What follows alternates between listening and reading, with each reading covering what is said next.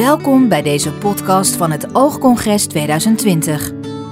Emiel Cornelissen praat met oogartsen, onderzoekers en ervaringsdeskundigen over de laatste wetenschappelijke ontwikkelingen van verschillende oogaandoeningen en de oogheelkunde in het algemeen. Deze keer bespreek ik het ooginfarct. Wat is het en welke gevolgen kan het hebben? Vragen die je kan stellen aan oogarts King Wong, verbonden aan het Oogziekenhuis Rotterdam. Ja, een ooginfarct is dus een afsluiting van een arterie, dus het slagader van, uh, van het oog. En uh, je kan het vergelijken met een hartinfarct of een herseninfarct. Dus bij een ooginfarct dan uh, raken de zenuwen van het netvlies beschadigd. Ja, en ik, heb, ja. ik heb begrepen dat als je een ooginfarct hebt, moet je er net als bij een hartinfarct of een herseninfarct ook vrij snel bij zijn, want anders kan dat tot grote schade leiden. Uh, dat klopt. Bij een ooginfarct eigenlijk eerlijk gezegd, als je dat merkt, dan is de schade al geleden. Dus okay. um, ik denk dat heel veel mensen een beetje door elkaar halen wat uh, precies een ooginfarct is en een oogtrombose. Dus uh, een trombose is eigenlijk weer een vene, dus een ader wat, wat afgesloten is. En een ooginfarct is echt een slagader. Dus net als bij een uh, ja, herseninfarct bijvoorbeeld, daar moet je inderdaad wel heel snel bij zijn. Want uh, soms kan je een trombolysebehandeling doen, maar dat kan eerlijk gezegd bij een ooginfarct nog niet. Dus eerlijk gezegd, het is wel fijn dat je dan bij de oogarts komt om dan de oorzaak te achterhalen, maar vaak kan je er helaas niet meer heel veel aan doen. Dat is, blijft bij een, uh, een herseninfarct, een hartinfarct ook vrij, lastig om echt al van tevoren iets te kunnen merken van hé, hey, moet ik al actie ondernemen? Vaak is het leed al geleden. Dat is dan hier toch ook zo? Dus een ooginfarct inderdaad, uh, dat is ook zo. Uh, het kan zijn dat een takje zeg maar, van een, de hoofdslagader soms is afgesloten. En dan zie je bijvoorbeeld een, een kleine vlek in het midden of, of boven een beeld, onder een beeld, dat afhankelijk van waar die tak precies zit. Maar je kan ook de, uh, een afsluiting hebben van je hoofdstam van de slagader. En dan zie je eerlijk gezegd bijna helemaal niks meer. Misschien soms nog een beetje licht, maar dan, uh, dan zie je zo goed als niks meer met dat oog. Dus dat merk je eigenlijk vaak wel goed.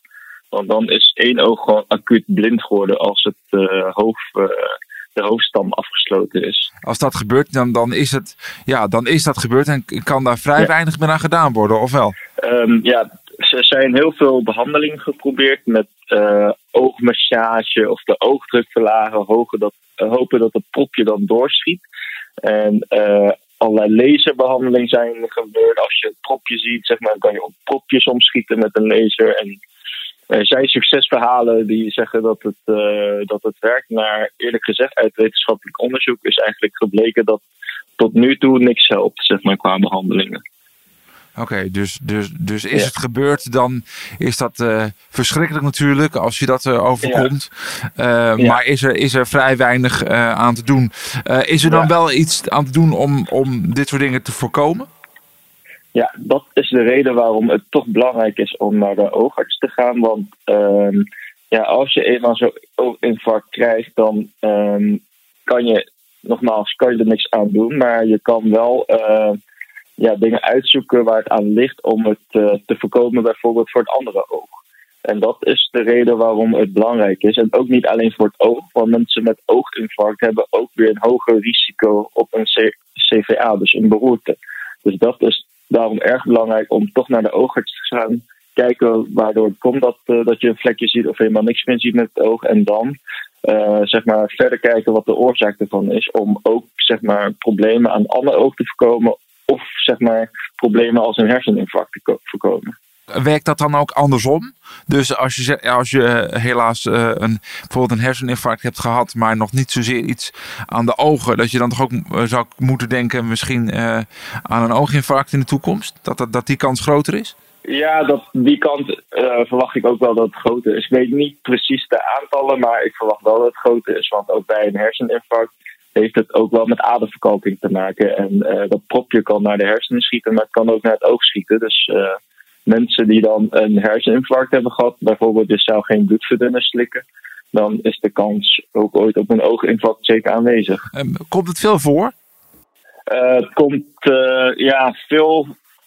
Ik denk, het komt wel vaker voor, denk ik, vergeleken met vroeger. Omdat ja, mensen het misschien toch wat onderzonder gaan leven ehm, de afgelopen jaren en veel roken. Maar dat neemt gelukkig nu wel weer wat af. Maar als je kijkt naar de cijfers, is ongeveer 1 op 1 tot 10 per 100.000 mensen ongeveer.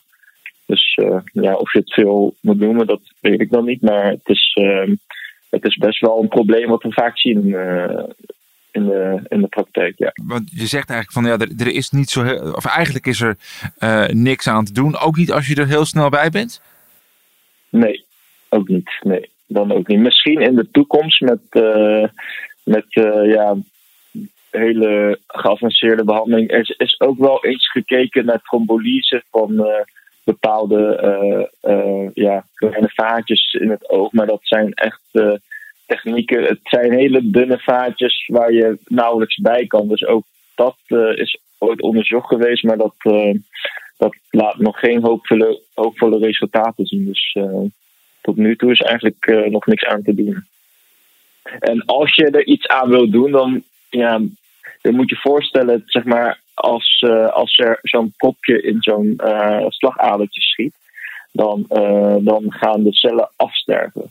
En zeg maar dat zuurstoftekort wat er dan bij ontstaat, dat moet je ook snel, snel weghalen. Want anders is het eenmaal afgestorven en dan is het, dan is het klaar.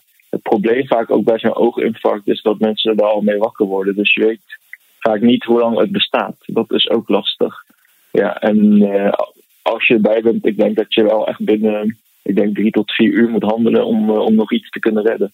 Kijk, als je bekend bent bij een oogarts, kan ik me voorstellen dat het wat sneller ja. gaat. Omdat je dan gewoon de oogarts kan bellen en zeggen: zus en zo zou er wel eens aan de hand kunnen zijn.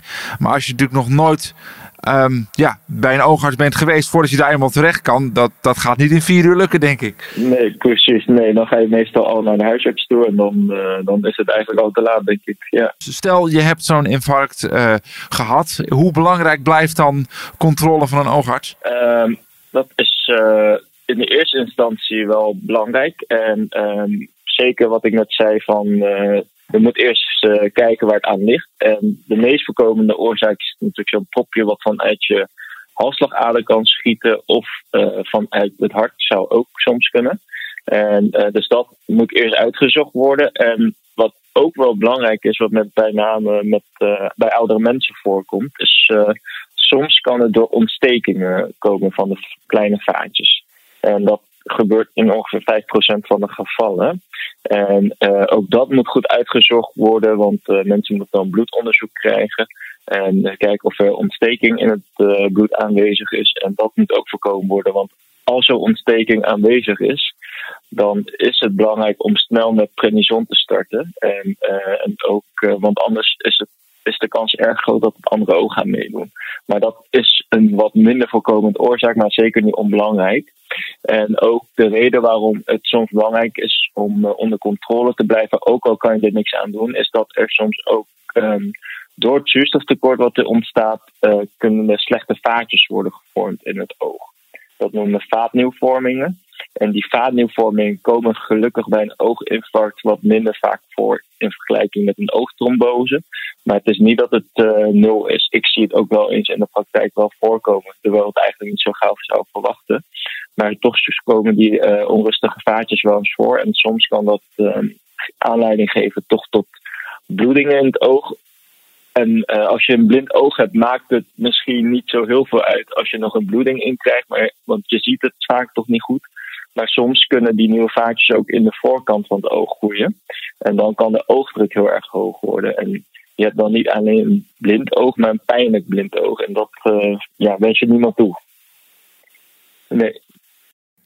Nee, precies. Die nieuwe vaatjes, dat vind ik toch even interessant om nog heel even op door te gaan. Want is dat eigenlijk, is dat eigenlijk een uh, systeem van het lichaam om te zeggen: Oh, die, die bloedvaten, daar kan ik niks meer mee. Ik ga iets nieuws maken? Ja, dat klopt. Het is een soort compensatiemechanisme van het oog om, uh, ja, om een beetje de boel te herstellen, zou ik maar zeggen. Maar eigenlijk zijn het vaatjes waar je totaal niks aan hebt, alleen maar voor ellende kan zorgen. Dus eigenlijk als wij die uh, nieuwe vaatjes zien, dan uh, gaan we ook direct ja, behandeling starten met, met een laser. En die laser die zorgt ervoor dat ja, die gebieden met zuurstoftekort als het ware uitgeschakeld wordt zodat er geen prikkels meer weer worden gevormd om, om die nieuwe vaatjes te vormen. Nee, dus eigenlijk wel typisch. Het lichaam probeert zichzelf te herstellen, maar maakt het eigenlijk alleen maar erger. Ja, dat, uh, dat klopt, ja. Dat ook wat ik wel zeggen. Ja, en dan die, die laserbehandelingen dus nodig om de boel uh, ja, af te sluiten. En dan doet het lichaam er ook niks meer mee. Ja, dat is de vraag hoe goed het pakt, zeg maar. Soms het is niet zo van als je het eenmaal die laser hebt gedaan, dat, dat de problemen dan helemaal opgelost zijn. Soms kan je ondanks die laser toch die slechte vaatjes houden.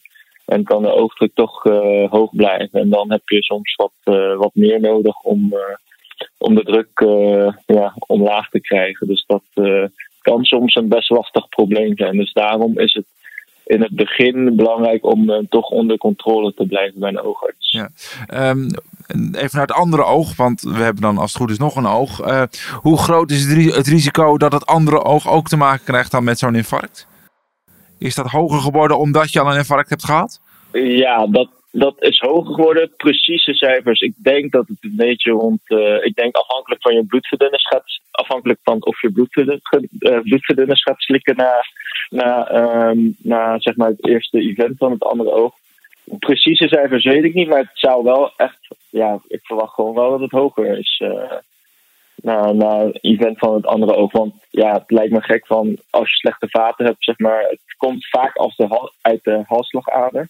Dus als één kant een beetje uh, verstopt zit, dan is vaak ook de andere kant, uh, die doet wel in min of meerdere maanden mee. En ik lees wel ja, uh, cijfers tussen 5 tot 15 procent kans. En ik kan me voorstellen dat het soms hoger is dat uh, dat het uh, andere oog ook kan krijgen. Ja, precies. Dus, dus, daar, Moet, dus daar, daar moet je toch echt wel dan voorzichtig mee zijn. En inderdaad, wellicht toch aan, de, aan de bloedverdunners. Maar dat hangt neem ik ja, ook weer per, is... per, per patiënt, per geval hangt, is dat misschien weer net iets anders. Eigenlijk als we zo'n duidelijk verhaal zien, dan is zeker de indicatie om bloedverdunners te slikken. Dat vaak als wij iemand zien met zo'n ooginfarct, dan bellen we vaak met de neuroloog. En, ehm, want vaak laten we de neuroloog dan dus halsslagaders nakijken. En uh, ja, we noemen dat een soort diapolie waar ze eigenlijk een, door heel de molen gaan. En, um, en dat wordt dan onderzocht. En vaak bij bellen al met de neuroloog zegt hij van uh, start maar alvast een, uh, een ja, bloedverdunner. En, ja, probeer dat zo snel, zo snel mogelijk te starten. Soms start de neuroloog zelf bij aankomst op die poli. En uh, soms zeggen ze tegen ons al van uh, start het maar alvast. Ja. Dus dat is, uh, dat is belangrijk. En zelfs bij een TIA van het oog, want soms kan zo'n propje ook wel doorschieten. Dus dan hebben mensen misschien een eventjes alleen maar wazig zicht. En dan, dus net als bij een TIA zeg maar, van de hersenen, dan hebben mensen eventjes klachten. Dat kan ook bij een oog zo zijn. Dan hebben mensen eventjes uh, ja, misschien 15 minuten tot 20 minuten eventjes uh, zwart beeld. Dat noemen we amarosis fugax. Ook dan is het vaak de indicatie al om bloedverdunners te starten. Want dit is een soort van een voor-event van, oh ja, dit kan erger worden. Het kan een ooginfarct worden. En dan doen we meestal ook al een ja, een bloedverdunner starten. Ja, maar nog, nog, dat is dus wel even belangrijk om dit te benadrukken. Dus als je toch denkt van hé, hey, ik heb even een, tij, een, een, tijdje, een kwartiertje of twintig minuten uh, helemaal geen zicht of minder zicht gehad. Is het toch wel belangrijk om dan te, te kunnen beseffen van hé, hey, het zou Zeker. iets met een, ja. een oogtia of een ooginfarct te maken kunnen hebben.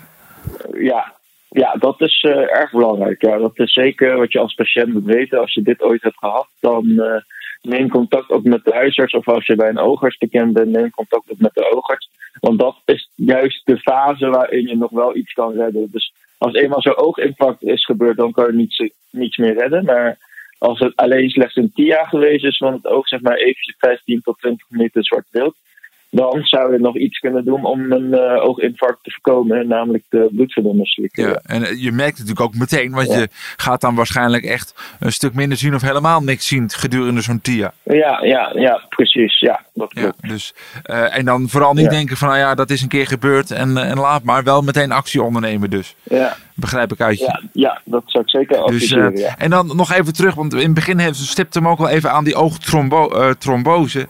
Ehm dat, dat is ook eh, natuurlijk ook met, eh, met bloedpropjes en, eh, en al dat soort dingen te maken. Zijn daar nog meer dingen over te vertellen waarvan je zegt, nou dit moeten mensen toch zeker ook wel weten.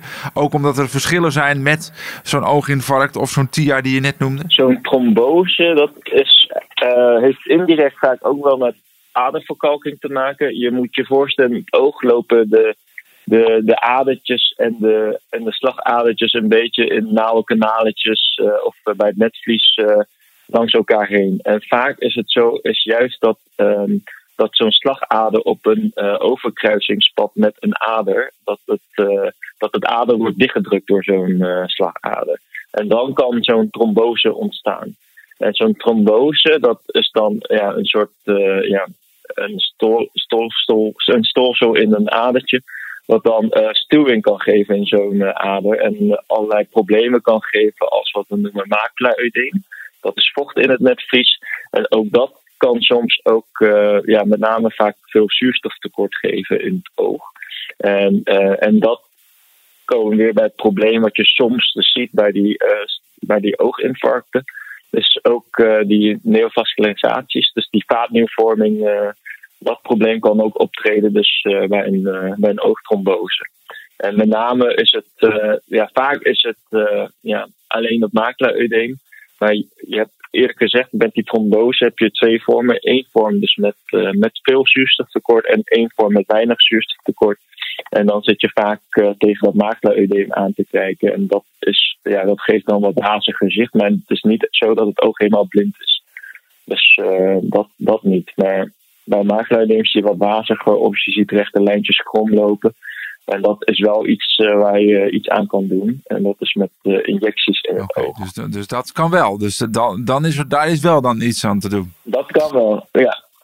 Ja, daar is wel wat aan te doen. Maar de een reageert wel wat beter dan de ander, dat wel.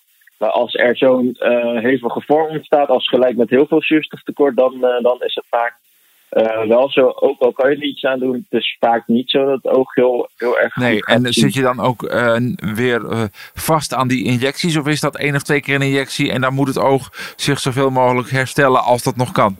je ziet, je zit er vaak wel een tijdje vast aan. Het is vaak beginnen met drie injecties om de vier weken. En dan afhankelijk van hoe het reageert.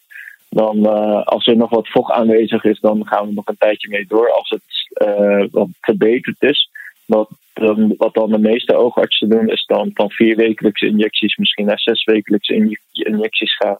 En dan ga je langzaam aan afbouwen. Maar je zit er vaak wel een tijdje aan vast. Ja, maar het is dan puur voor herstel van het oog. Maar dat je er per se weer beter door gaat zien, dat, dat hoeft dus niet. Eh, ja, dat kan wel. Dus eh, ik zie, wat ik vaak zie is bij eh, jongere mensen die zo'n trombose krijgen. Misschien zijn die vaatjes toch wat beter, sneller hersteld. Die, die kunnen wel wat beter herstellen dan met name de oudere mensen. Dus, dus je ziet wel dat mensen weer misschien 100% kan zien. Dus de een heeft er misschien wat meer geluk bij dan de ander. Maar dat verschilt nogal. De een reageert ook wat beter op die behandelingen dan de ander. Dus, dus eh, je kan wel iets verbetering hebben. En eh, soms eh, misschien zelfs restloos genezing. Maar, maar, ehm, maar de meeste ja, kunnen wel wat schade houden. Ja, dus eventjes naar de conclusie gaan bij de trombose. Kan je zeggen, oké, daar is nog wel iets aan te doen. Ook weer als je er tijdig bij bent. Hè? Want dat blijft, neem ik aan, de, de boodschap. Ja, daar moet je ook niet te lang wachten. Want eh, dat macula-edeem, als dat te lang bestaat, dan geeft dat ook weer schade aan het oog. Dus, dus daar is wel ook wel veel van eh, ja, vroeg bij zijn. Maar bij een ooginfarct, dat is dus, eh, als dat eh, je overkomt, is dat heel spijtig. Maar daar is tot op heden, moeten we er even bij Ja. zeggen natuurlijk, hè, nog niks, niet echt iets aan te doen. Om dat dan wel te voorkomen, dan wel weer terug te, te genezen, zou ik maar even zeggen. Ja, voorkomen is gewoon meer voor het, voor het andere oog, zou ik maar zeggen. Ja, dus dat, dat is dan bloedverdunning. Ja. Wel actie ondernemen. En eh, zeker omdat het ook, eh, ja, nogmaals wat ik eerder heb gezegd, het kan naar je oog schieten, maar het kan ook naar je hersenen schieten. En dat kan misschien nog eh, dramatischer zijn. Ja, precies. Ehm, is, er, is er veel informatie over zo'n zo'n ooginfarct? Ik bedoel, we hebben het hier nu over als podcast, als onderdeel van het oogcongres. Maar Zijn mensen echt goed bekend met dit fenomeen überhaupt? Of is het voor veel mensen toch nog wel nieuw? Voor mij was het nieuw, laat ik het zo zeggen. Ik denk dat, uh, dat het voor best veel mensen nieuw is. Uh, en ja, mensen beseffen niet vaak dat, uh, ja, ik denk herseninfarct, ook een herseninfarct, TIA's, dat wordt op tv misschien ook wel vaak van die reclamespotjes over gemaakt. Maar van een ooginfarct denk ik veel te weinig. Dus ik denk dat heel veel mensen er niet bewust van zijn dat dat kan, kan optreden. Dus dat, uh, dat is echt wel, ja, zeker wat jullie nu ook doen, heel erg belangrijk om uh, mensen bewust ervan maken. Helaas, nogmaals, al gebeurt het, je kan er ja, helaas vaak niet zo heel veel aan doen. Maar, maar het is wel belangrijk om dat, ja, om dat bewust van te maken, omdat het gevolg heeft voor het andere oog en ook voor je algemene gezondheid. Dus dus ik denk dat dat ook zeker een, ja, een probleem is wat, wat, uh, wat wel wat meer in de spotlights mag staan, eerlijk gezegd. Ja. Ja, dus het, het, niet alleen laten bij deze podcast, maar er eigenlijk meer aandacht aan geven. Ja, ja dat lijkt me inderdaad verstandig. Ja. Bedankt voor het luisteren naar deze podcast van het Oogcongres 2020. Voor meer informatie ga naar www.oogcongres.nl.